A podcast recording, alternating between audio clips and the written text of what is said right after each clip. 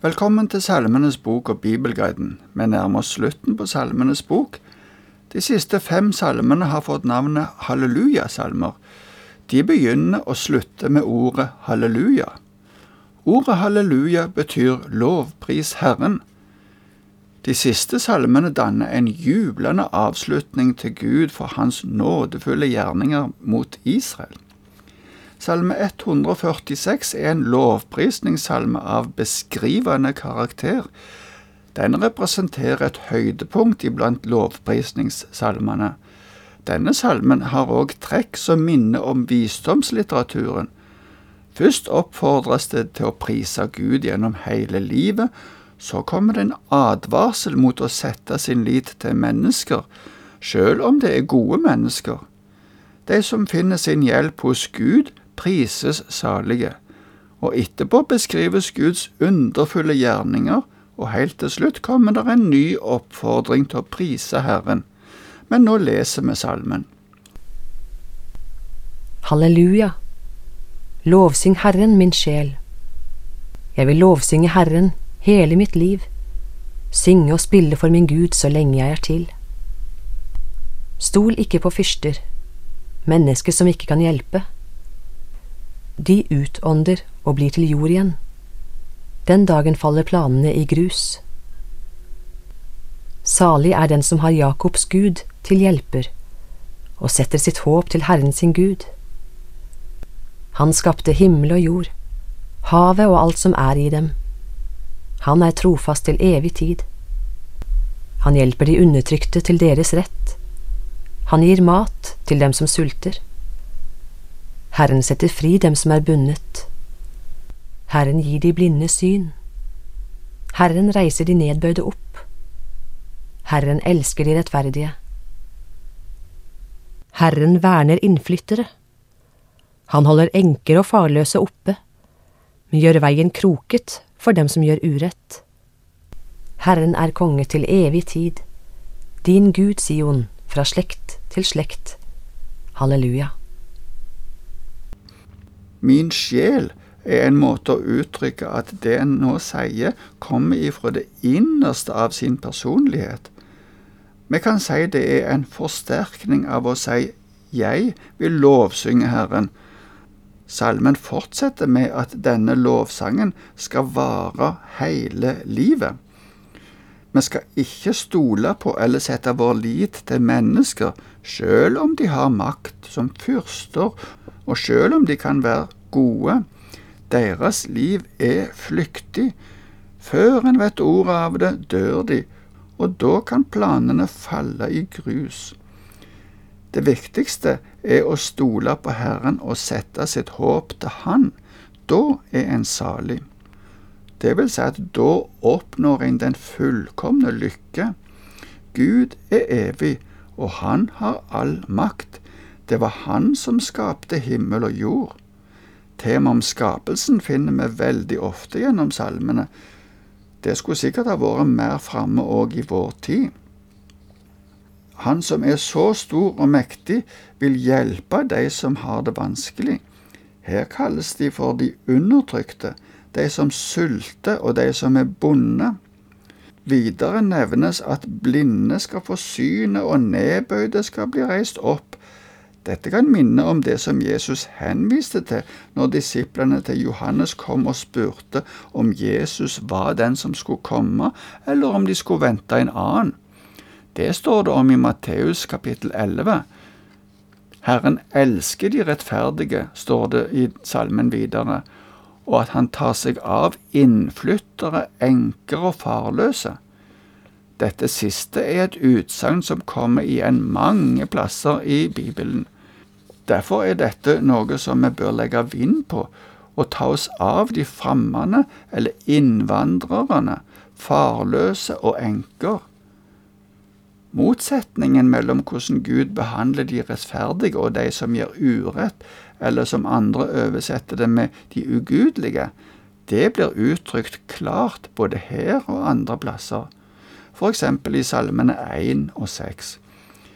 Til slutt understrekes det at Herren er konge til evig tid. Det blir gjentatt med et synonym fra slekt til slekt. Så avsluttes salmen med halleluja, eller lovpris Herren. Salme 147 er òg en beskrivende lovsangsalme som legger vekta på temaet omkring Guds skaperverk. Det antas at salmen er skrevet etter gjenkomsten ifra Babel, og i første del av salmen ser vi at Gud prises fordi han har samla de som var spredt. Vi leser de første seks versene. Halleluja. Det er godt å spille for vår Gud. Det er herlig. Det er rett å synge lovsang. Herren bygger Jerusalem og samler Israels spredte folk. Han leger dem som har et knust hjerte, og forbinder sårene deres. Han vet hvor mange stjernene er, og gir alle navn. Vår Herre er stor og rik på kraft, hans forstand er uten grenser. Herren holder de hjelpeløse oppe, men bøyer de urettferdige til jorden. Tanken om at det er rett å synge lovsang, kommer til uttrykk også i Salme 33. Norsk bibel oversetter det siste uttrykket her med at det sømmer seg. Guds folk kan bringe fram sitt lovprisningsoffer for Herren. Det er god grunn for det, ikke minst for de som opplevde at Jerusalem ble bygd opp igjen, og at de som hadde blitt spredt blant folkeslaget, hadde kommet tilbake. Herren leger de som har et knust hjerte. Gud kan og vil trøste de som er i sorg, og som har sår på en eller annen måte. Gud har skapt alle stjernene, og han vet hvor mange de er. Dette utsagnet finner vi òg hos Jesaja i kapittel 40 vers 26. Han ikke bare vet tallet på stjernene, men han har òg sett navn på hver enkelt. Men dette er bare et bilde eller et eksempel på Guds storhet og Guds allvitenhet. Gud er rik på kraft og forstand. Bare de som er hjelpeløse, kan nærme seg Gud i Hans storhet. Det ser vi gjennom hele Bibelen.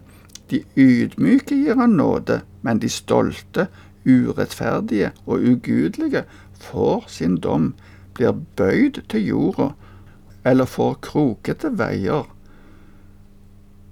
Det neste avsnittet fra vers 7 til 11 handler om at fordi Herren elsker sitt folk, bør de lovprise Han. Vi leser disse versene nå. Syng lovsang for Herren, spill på lyre for vår Gud. Han dekker himmelen med skyer, sørger for regn til jorden og lar gresset spire på fjellene. Han gir føde til dyrene, til ravneungene som roper. Han bryr seg ikke om hestens kraft, og gleder seg ikke over mannens muskler. Herren gleder seg over dem som frykter ham og venter på hans miskunn. Her ser vi hvordan Herren tar seg av sitt folk, ja, alle som frykter Herren og venter på hans miskunn. Det er Gud som styrer naturen slik at det blir skyer og regn. Det er Han som sørger for at både dyr og fugler får mat. Jesus sa òg at vi skulle se på fuglene under himmelen. De får den maten de trenger av Gud. En annen gang viste han til spurvene og sa at ikke én av de faller til jorda uten at Gud vet om det. Når Gud har en slik kontroll på alt i skaperverket, så skal vi òg stole på at Herren vil gi oss det som vi trenger. Derfor bør vi takke Gud for maten og for alt Gud ellers gir oss. Hva er det vi stoler på? Stoler vi på hestekrefter, enten det er fra en hest eller fra en maskin, eller kanskje vi stoler på egen kraft. Dette betyr ikke noe for Gud. Han kan og vil hjelpe de som venner seg til Herren. Det er mange eksempler i Bibelen på at Gud like godt, ja heller kan hjelpe den som er liten og svak.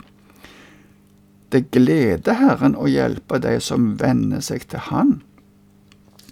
Nå skal vi lese resten av salmen, versene fra 12 til 20 handler om å prise Herren for Hans ord. Syng Herrens pris, Jerusalem. Sion, lovsyng din Gud. Han gjør portbommene dine sterke, og velsigner barna i byen. Han gir fred i landet. Han metter deg med den beste hvete. Han sender sitt budskap til jorden. Hurtig løper hans ord. Han lar snøen falle som ull. Han strør ut rim som aske.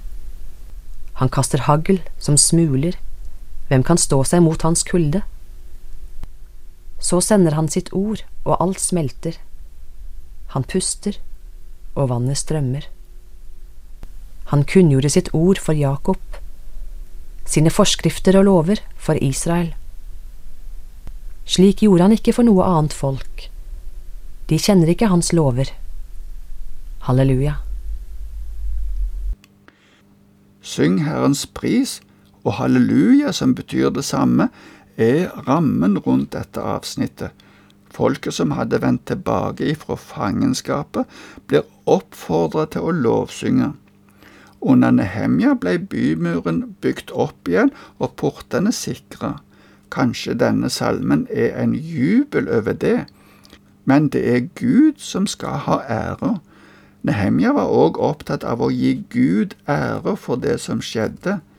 Fred i landet og god avling på markene er òg grunner til å ære Gud.